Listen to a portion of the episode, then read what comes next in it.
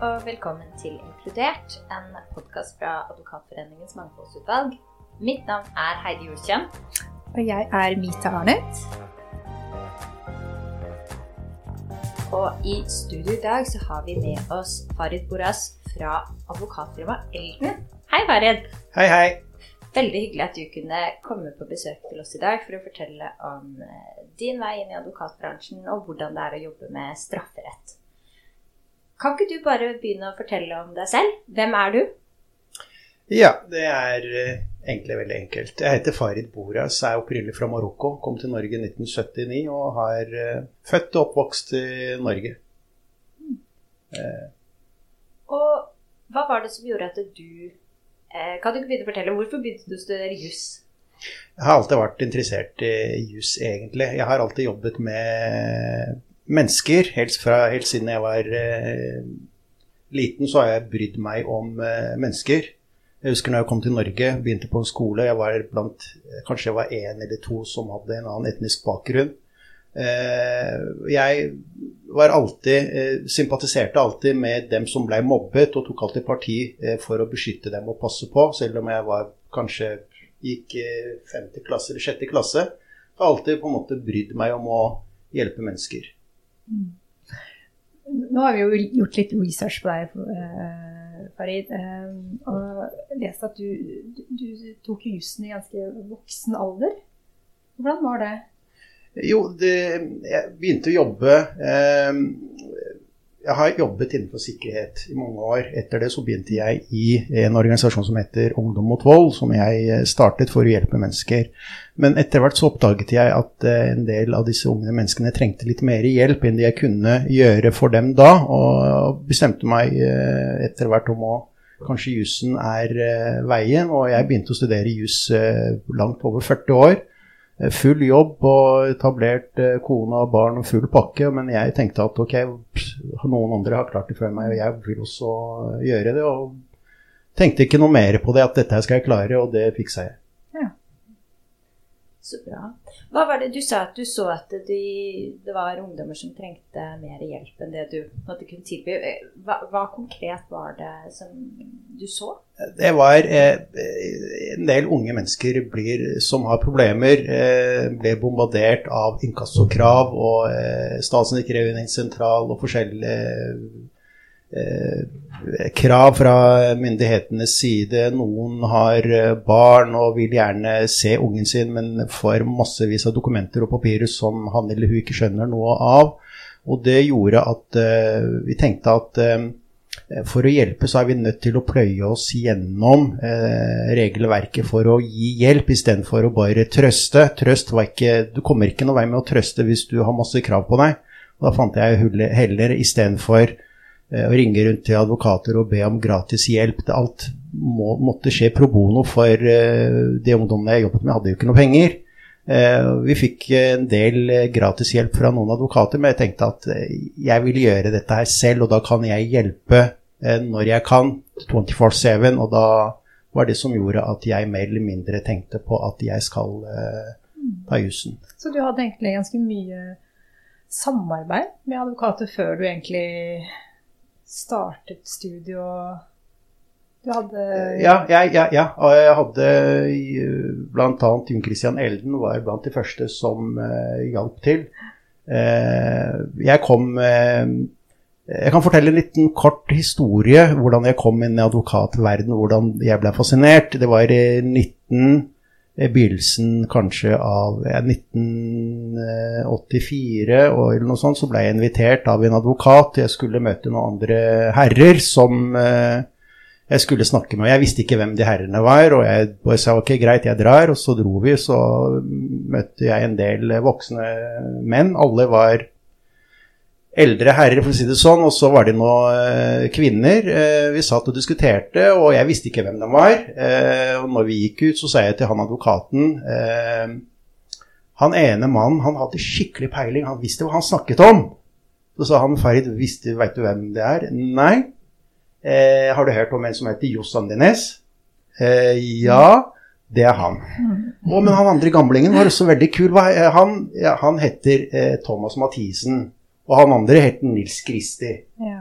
Eh, og der, fra den tiden så begynte jeg å tenke at eh, for å hjelpe mennesker så er jeg nødt til å skjønne problemene, hvor problemene er, og hvordan jeg skal hjelpe meg og alliere meg med andre mennesker som kan hjelpe til. Det er mange som vil, men de har ikke anledning eller tid eller blir spurt om. Men eh, jeg forkortet veien for en del av eh, de ungdommene jeg jobbet med, og gjorde det enkelt for at advokatene hjalp til også. Det er jo en utrolig både interessant og veldig inspirerende vei du har hatt inn i jussen. Men, eh, men når, du, når, du, tok jussen i voksen alder, tenker du at det er noen fordeler med å gjøre det? Altså, ja, fordelen for meg var at jeg var ferdig med å feste. Ferdig med å gå ut. og var, De greiene var over for min del. Så når jeg satte meg ned for å lese, så satte jeg meg ned for å lese.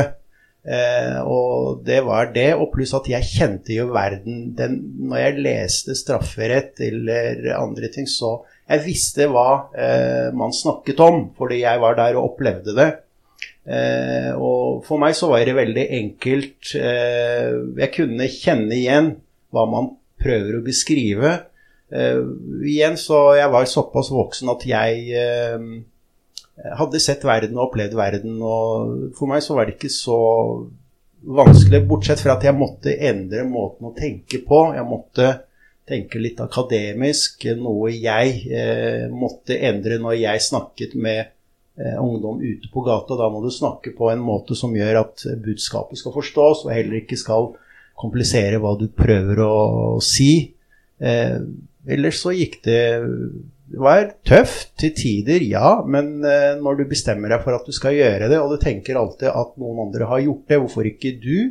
Hvorfor ikke meg? Og det gjør at så ser du at det er mange andre mennesker som studerer. og Eh, jeg ser eldre mennesker, og så ble jeg liksom Ok, han eller hun er eldre enn meg, gjør det, hvorfor ikke jeg? Og så ser jeg unge mennesker som studerer, ser såpass ung, men allikevel jeg òg. Så blir du, du motiverer deg selv hele tiden, og så Ja, det er disiplin, rett og slett. Mm. Har det vært strafferett for deg hele tiden? Ja, nå har det blitt uh, strafferett uh, Ja, ja det, er, det, kommer til å bli strafferett fremover nå, ja. ja. Men det, er det det som har vært uh, måte, interessefeltet også gjennom jussen, eller hva Eller var det litt tilfeldig at det, det er strafferett du endte opp med å jobbe? Med? De fleste av eh, folk jeg eh, hjalp eh, og hjelper, det er folk som egentlig sleit og kom i kontakt med politiet, eller at det var en eller annen som var ute etter dem. Enten pengekrav, eller at det er noen bøter, eller det er noe, den type ting. Men, og da blir det sånn at når du ring, når du blir oppringt og at du trenger hjelp, hva har skjedd? Nei, han mente at jeg slår han, eller at jeg er blitt slått, eller at jeg er blitt voldtatt, jeg trenger hjelp og alt. Og da blir det at strafferetten ble på en måte eh, verktøy eller veien for meg for å hjelpe de som trengte min hjelp aller mest. Synes Det er veldig interessant når du snakker, og jeg, du peker godt på noe som i hvert fall gikk opp for meg litt etter at jeg begynte å jobbe. Det der at når du er advokat, så er du egentlig en problemløser.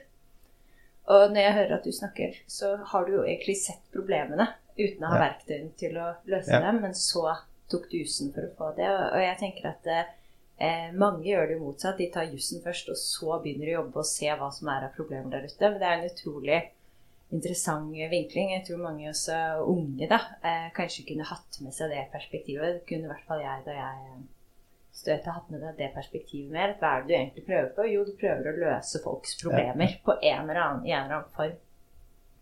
Men, men, kan du ikke fortelle litt om, eh, om eh, Ja, altså Jeg tror strafferett er jo noe det, de fleste har et forhold til, fordi man skjønner det er jo litt konkret. Du vet hva det er, ja. eh, man vet hva som er ulovlig. Men, men hvordan ser en typisk en, en hverdag ut for deg?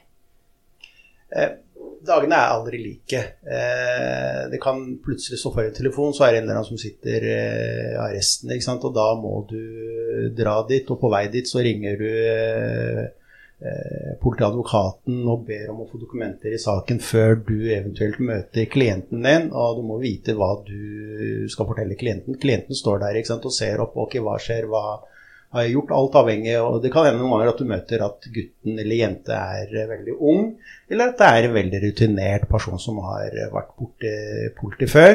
Litt avhengig av hvem du møter den dagen. Og så er det igjen at du ser om saken er klausulert eller ikke klausulert, om det er alvorlig, om det blir fengsling. Det er sånne ting som du burde ta et uh, kjapt, uh, vurdere kjapt før eventuelt møte klienten. Det klienten spør om stort sett, det er blir jeg fengslet nå.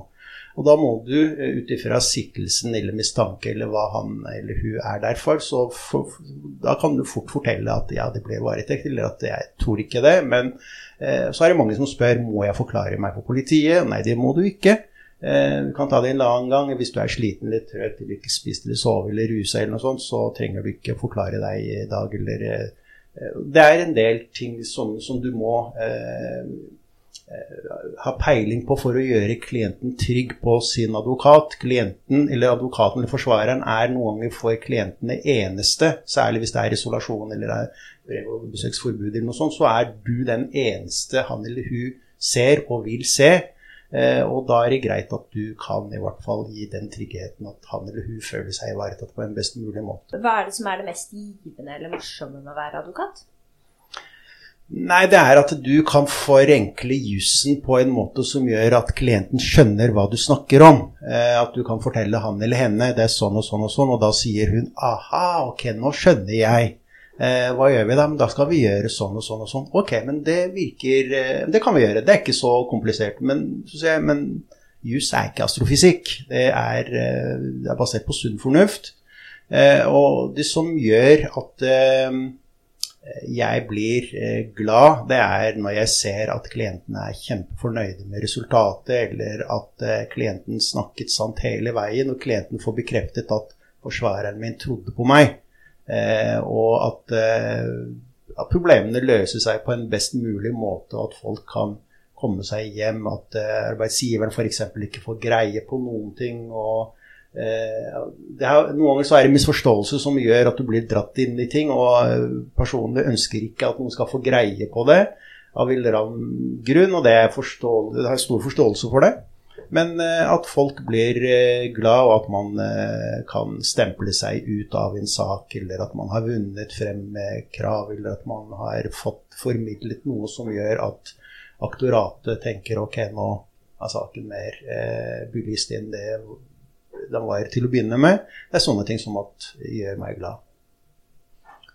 Er det enkelte ting du tenker at ah, dette, var, dette var jeg ikke forberedt på, dette er veldig krevende eh, som eh, forsvarsadvokat?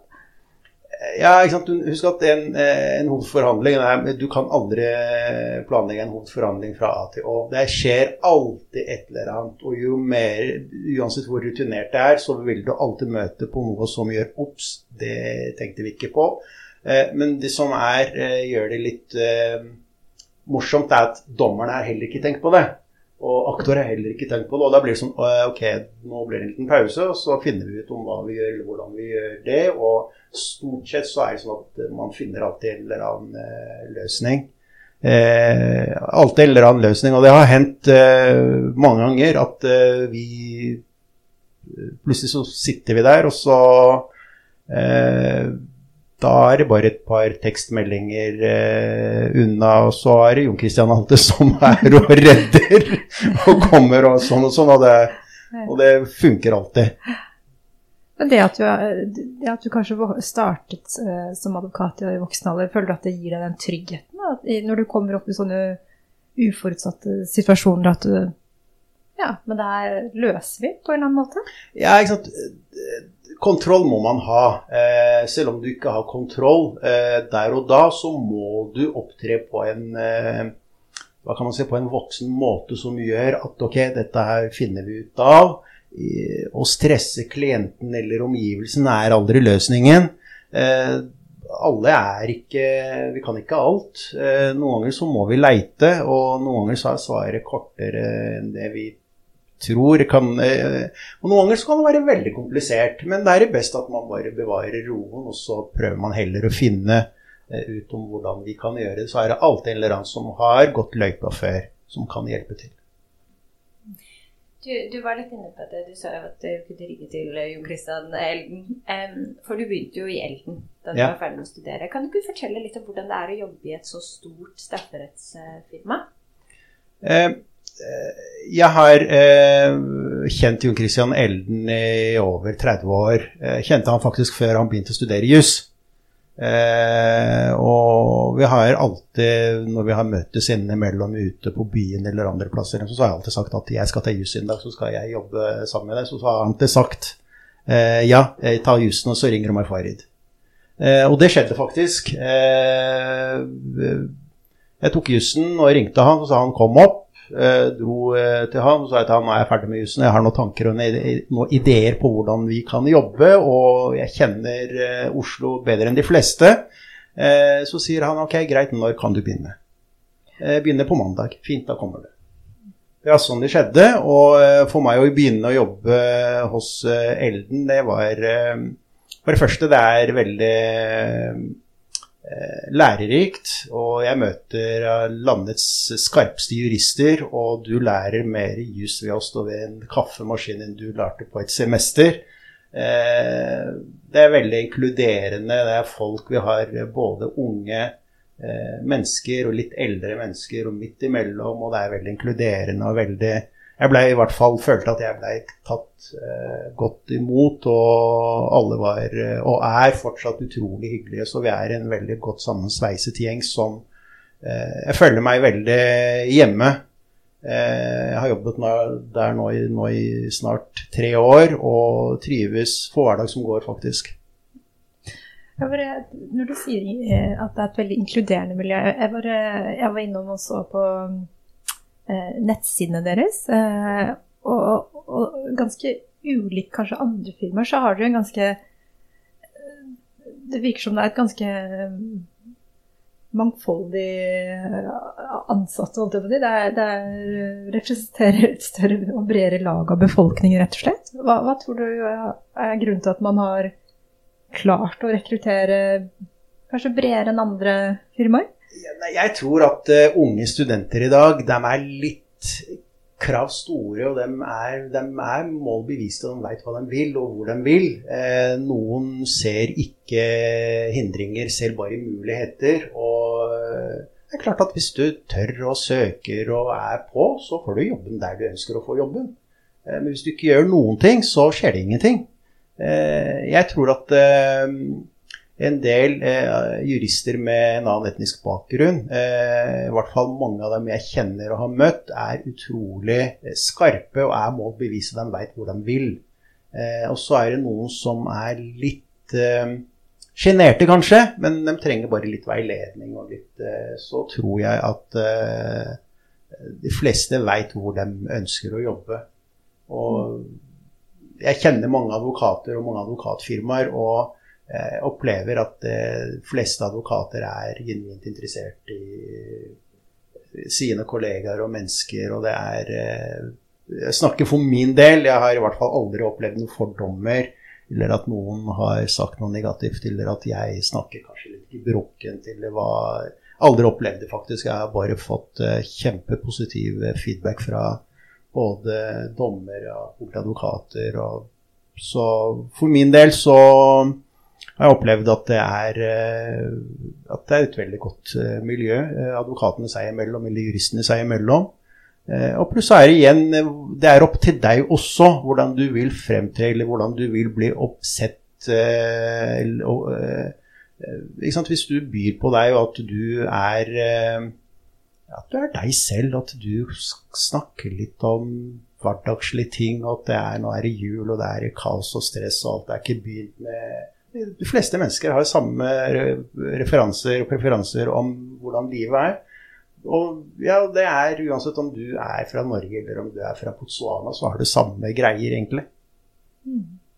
Ja, det syns jeg er kjempefint at du sier. og Jeg blir veldig, glad for å høre det på vegne av uh, hva skal jeg si, standen som sådan. Men, men, jeg tenkte også på det, for du sa i sted at du møter utrolig mange forskjellige klienter. Unge, gamle, rutinerte forbrytere kanskje, og de som aldri har vært i klammeri med, med loven før. Men, eh, og du har jo litt en atypisk bakgrunn, både også fordi at du har jobbet i sikkerhetsbransjen og gjort mye annet også. Opplever du at det Hvordan er det en fordel for deg når du møter klientene? Eh, fordelen eh, at eh, jeg kjenner mange klienter fra før. Eh, så etter at det er blitt kjent at jeg er advokat, så er det er mange som ringer meg eh, for å Det er fari de vil ha. Eh, og det er pga. at jeg har jobbet i Ungdom mot vold i nesten 30 år og kjenner alle som kan krype og gå, og særlig eh, ja, mannfolka med litt annen eh, ja, karrierevalg som gjør at eh, jeg blir eh, ringt opp, og jeg kjenner Oslo eh, veldig godt, så jeg veit eh, hvor Jeg kan karte, og jeg veit hvilken tilhørighet, gjeng, fraksjon, hva slags eh, er det snakk om dop, så veit jeg som hvem som kontrollerer hva områder og alt det der. Og det gjør det enklere for meg å forstå. Og det gjør at klienten trenger ikke å eh, komme med en avhandling for at jeg skal forstå hans eller hennes problem. Det gjør at jeg har en, eh, hva kan man si, fortrinn for å komme meg kjapt inn i saken. Mm. Mm. Ja, så vil jeg jo kanskje tenke at de også har en annen tillit da, eh, til deg enn en, en, hvis, hvis, ikke du kjenner systemet kanskje så godt, og en eller annen random advokat kommer, så kan det også kanskje virke litt sånn skummelt. Og hvem er denne personen? Er den egentlig på min side? Og det er jo som du sier, de har kanskje ikke så mange andre, i hvert fall i den uh, første fasen. Ja, det, det, jeg har opplevd det mange ganger. Eh, nå har jeg jobbet som advokat, eh, eller fullmektig advokat, nå i snart tre år. Og har hatt åtte eller ni drapssaker. Og det er advokater som har jobbet i over 30 år, som aldri har hatt, hatt en eneste drapssak. Eh, de gangene jeg eh, blir ringt opp, og så drar jeg, så sier personen at eh, enten at pappa har bedt om at jeg måtte ha deg som advokat, eller at jeg vil ha deg som advokat. Eh, og sånn og sånn, og så er siktelsen eller mistanke at det er drap eller drapsforsøk, eller at eh, Og det gjør at den tilliten klienten har til deg, den må du eh, passe veldig godt på. Eh, man skal aldri bløffe. Man skal aldri komme med lovnader. Og man skal heller aldri gjøre klientene noen tjenester for at du skal være populær. Det, det kaller jeg bare kortvarig gevinst, som vi kan slå tilbake med full eh, kraft. Så at man er seg selv ydmyk og sier ok, hør her nå, vi har en uh, oppgave eller jobb å gjøre. La oss brette skjortearmene, så skal vi jobbe. Uh, og jeg skal passe passe så godt som mulig på at alle dine rettigheter ivaretas på en best mulig måte. Men jeg er ikke en tryllekunstner. Eh, men dette skal vi klare å eh, vi, kan, eh, vi går sammen, trenger ikke være redd. Og så er det sånn at eh, jeg eh, ringer mine klienter som sitter i varetekt. Jeg ringer dem eh, ofte, og de ringer meg. Det, om det er julaften eller nyttårsaften eller bursdag eller mandag, eller, har ikke noe betydning. Mine klienter kan ringe meg når de vil. Og jeg besøker dem når eh, det er behov, eller når jeg føler at jeg må gjøre det uten at jeg får betalt for det. Eh, og det gjør at klientene føler seg ivaretatt. Og klientene, særlig litt, litt avanserte klientene, de kan lese en advokat uten at advokaten tror at Det er mange advokater som tror at klientene er litt sånn rare, men klientene som er litt avanserte, de har levd i en verden i mange år. De kan skanne deg gjennom i løpet av et par sekunder. Og det er best at man er ærlig, lojal, ikke bløff. Eh, sier du at jeg ringer deg i morgen, så ring. Sier at jeg kommer og besøker deg, besøk han eller henne. Eh, det tar utrolig det, tar en time, så er personen glad i en måned. Eh, og det er noen mennesker, særlig hvis du sitter i isolasjon, så møter du ingen andre bortsett fra Og da kan man endelig snakke fritt og åpent om alt mulig rart. Mm. Du treffer jo veldig mange skjebner. Klarer du, å, klarer du å legge det fra deg når du kommer hjem, eller? Altså, det er jo mange sterke inntrykk av det. Ja, det gjør det. Og særlig unge mennesker som eh, Det er klart at noen ganger sant, du eh, er der og gjør en jobb, og eh, klienten er fornøyd, men du setter inn i bilen og kjører ned til Oslo eller uh, ut av fengselet eller noe sånt, du skal hjem og tenke oi, det er fredag, oi, da blir det tacos, eller at det blir det eller noe det, men du veit at klienten din, han får ikke servert noe. Eh, det blir innlåsning nå snart, og da er, han der. Eh, ikke noe mer enn det. Eh, og dagen etter samme rutine. Klart at du blir noen ganger så at du tenker Det er trist, men for å få bøtet med tristheten, så må du bare gjøre jobben. Du må sjekke saksmappa, du må ringe. Er det noe du føler skal gjøres? Hvis du føler at klienten din er litt litt ikke helt på notene, så begjærer du en eh, judisiell observasjon, at du ber om kanskje legen bør snakke med han eller henne, og at du eh, snakker med aktor om å finne ut om eh, er det noe historikk, eller er det noe vi kan Noe må du gjøre, og det gjør at du føler i hvert fall at jeg har gjort det jeg kan. Eh, Men noen ganger så møter du på personer som vil prege deg for resten av livet. Når jeg hører deg snakke, Farid, så, så, så tenker jeg litt eh, det, det her, Jobben krever en del av deg, altså som person, tenker, eh, høres det ut for meg. Og jeg, jeg tenker, hvordan er, hvordan er det med work, eh, life balance? Eh, altså, det, du Bruker du veldig mye tid på jobb? Ja, det er blitt det. Det blir en del eh, jobbing. Men igjen, eh, og, eh, husk at jeg er ikke 25 år eh, advokatfullmektig. Jeg har rast av meg. Jeg, eh, I stedet for å bruke tid med kompiser på en eller annen bar og snakke om fotball, det gjorde jeg når jeg var 17 år. Nå kan jeg heller bruke tiden min på eh, jobbe, og den tiden jeg kan bruke på å sitte og ta noe eh, eh, rølpe greier eller noe sånt, den bruker jeg heller sammen med familien. Så hvis du kutter en del eh, unødvendige greier og bruker det eh, at, du er enten på jobb eller sammen med familien, så klarer du å Så for min del så er det festing og alle de greiene der, det er borte, og da kan jeg heller bruke den tiden hjemme. Det er vi er vel tre i samme situasjon eh, der eh, kanskje som har kuttet mye rulping og bruker tid på jobb og familie. Ja.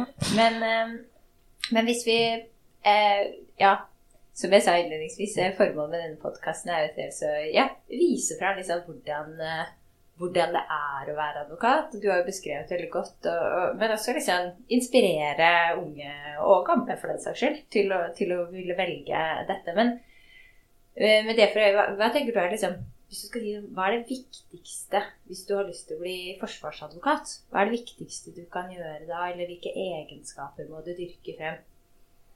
Nei, ikke sant? Det er at du må eh, Du må rett og slett at du må være glad i mennesker, rett og slett.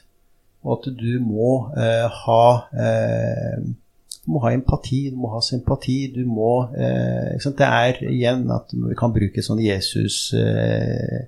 Jesus-uttrykk. det er eh, eh, Det er ikke synderen, men det er synden. Eh, han eller hun eh, som har gjort et eller annet, han eller hun har krav på eh, best mulig forsvar. Eh, Og du er der med åpne, blanke ark og skal hjelpe personen. Og du bryr deg ikke om hva personen har gjort. Skal, jobben din er å forsvare.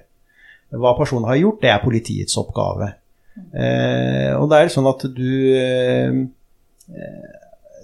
du må være rett og slett du må være glad i mennesker. At du vil eh, hjelpe. Du må eh, bruke en halv time ekstra. Eh, du må eh, Rett og slett, du må bare Er der for å forsvare eh, personen, og da må du gjøre det. Og ikke ta noen sånne korte eh, greier og bruke en gammel prosedyre, eller at du skal alle saker er ulike, og alle mennesker er unike. Farid, vi, vi ser deg jo fra tid til annen i mediene. Eh, er det en sak du vil eh, ikke, er det en, en sak du vil trekke frem og fortelle litt om, eller? Siden vi har det her som Ja, gjest. det er den eh, drapsdømte eller dødsdømte person, eh, mann som sitter fengslet i Somaliland. Det er en sak som jeg virkelig brenner for. Eh, han er dømt til døden ved, tre, nei, ved to instanser. Ja. Og nå eh, er saken opp til eh, vurdering opp og til eh, Høyesterett i Somaliland. Eh, og hvis de konkluderer med det samme som lagmannsretten, så er det, så er det døden. Og han er jo en norsk borger, og i Norge så har vi ikke hatt noe som har blitt eh, dømt til døden siden 1945 eller noe sånt. Det er en sak som eh, har gjort et stort inntrykk, som gjør at den saken eh, Jeg kommer til å gjøre det jeg kan eh, for å få han eh, hjem til Norge. Men hvordan er det å være forsvarer for eh, personer som er i utlandet? Har, har, du, noe, har du til og med møtt vedkommende ja, jeg har vært og besøkt han i fengselet. Jeg har vært i Somaliland nå ved to anledninger i løpet av eh, tre måneder. Eh, jeg har også saker. Jeg har saker både Bali, New Zealand, USA, Pakistan, Marokko, Qatar, Romania eh, Jeg har saker eh, nesten over hele verden. Nei, store forskjellen det er at noen ganger i Norge så er det sånn at vi er veldig glad i å kritisere. Men kriminalomsorgen i Norge skal jeg love deg, det er paradis på jord i forhold til andre plasser, inkludert Japan, Tokyo, som skal være en av de beste land i verden. Men glem det.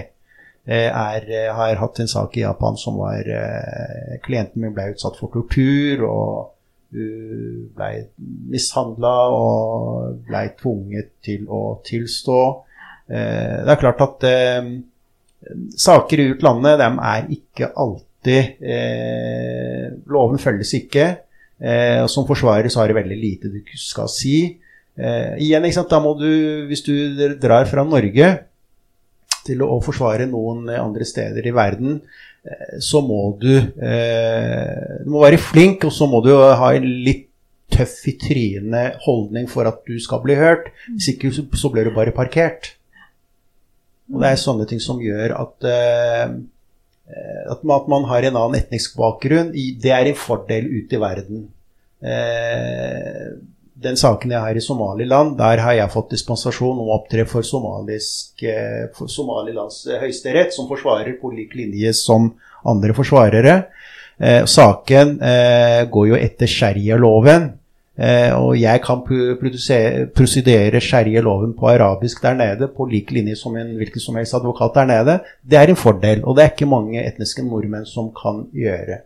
Og Det samme at, at man kjenner forskjellige rettskulturer, gjør at du kommer eh, frem til løsningene dine på en helt annen måte enn hvis man ikke visste eh, forskjeller mellom forskjellige rettskulturer. Mm.